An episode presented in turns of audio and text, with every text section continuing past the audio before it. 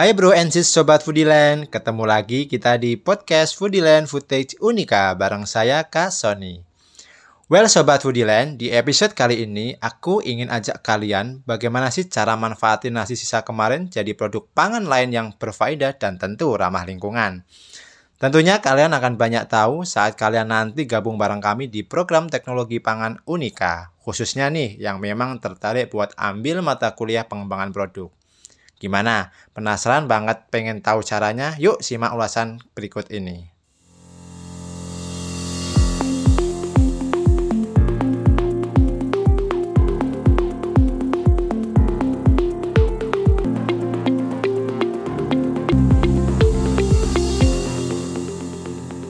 Sobat Foodieland sebelumnya wajib tahu dulu nih kalau timbulan sampah terbesar kita di Indonesia banyak dihasilkan dari sampah makanan. Bahkan di tahun 2017, The Economist Intelligence Unit telah merilis bahwa Indonesia merupakan negara penghasil food waste atau timbulan sampah makanan terbesar kedua di dunia. Akibatnya dalam 20 tahun terakhir, menurut data pemerintah Indonesia melalui Bappenas, diungkap bahwa kerugian ekonomi Indonesia mencapai 4 sampai 5% PDB atau setara dengan 213 sampai 551 triliun rupiah per tahun. Wow, besar sekali ya kerugian kita. Nah, sekarang siapa nih dari Sobat Foodiland kalau pagi-pagi masih ada nasi semalam di rice cooker kalian? Bingung nggak tuh mau diapain? Atau langsung kalian buang gitu saja? Eits, jangan dong, jangan buru dibuang. Ternyata Sobat Foodiland, kalori nasi sisa semalam menurut para ahli gizi 60% lebih rendah dari nasi yang baru saja dimasak. Tentunya dengan cara pengolahan atau penyimpanan yang benar ya.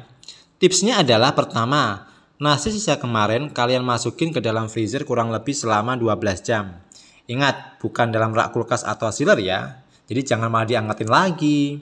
Banyak juga diungkap bahwa nasi sisa kemarin kadar glukosanya lebih rendah dibandingkan dengan nasi yang baru saja matang. Karena pati dalam nasi sudah berubah menjadi pati resisten yang tidak bisa dicerna oleh tubuh. Artinya Sobat Foodieland, kalori tidak akan bertambah, Wah, kayaknya recommended banget nih bagi yang punya masalah diabetes, ya nggak sih? Sobat Foodieland, kue kukus bisa jadi salah satu pilihan cara memanfaatkan nasi sisa kemarin. Dan ini jika kita cukup banyak pengetahuan, bisa kita kreasikan juga loh, seperti sajian ala-ala cafe gitu deh.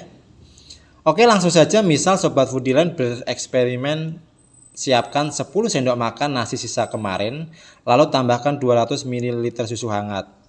Kemudian blender tambahkan 5 sendok makan gula pasir, setengah sendok teh garam dan santan secukupnya.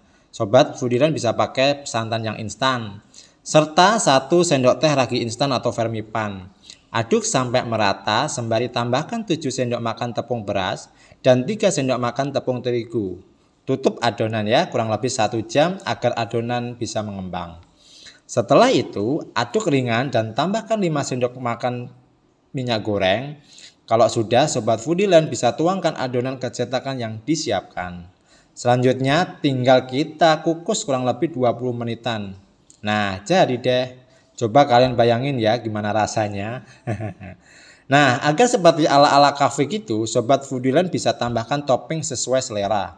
Mungkin dengan baluran coklat atau parutan keju. Nah, itu kira-kira sedikit contoh bagaimana cara kita manfaatin sisa nasi kemarin. Gimana? Jadi berfaedah bukan? Sobat Foodieland juga bisa nih lakukan sosial eksperimen, ajak teman-teman nongkrong, teman-teman kos kalian buat nge-review kue kukus dari nasi sisa kemarin bikinan kalian tadi. Coba deh buat tanyain ke mereka bagaimana rasanya, teksturnya, dan aromanya. Nah, dari sini siapa tahu nih kalian tertarik buat ngembangin produk kue kukus ini ke yang lebih premium. Misal dengan menambah bahan pangan yang diketahui punya nilai fungsional tertentu.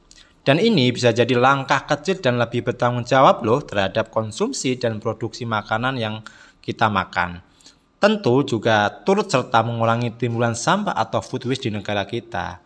Bayangkan kalau setiap orang bisa mengolah sisa makanan dan menjadi produk yang layak konsumsi dan bernilai tambah. Menarik bukan? Pokoknya deh worth it banget ini. Jadi gimana? Makin tertarik dan siap buat gabung bareng kita bukan? Aku tunggu ya kalian secepatnya di Futex Unika Sukia Pranata Semarang.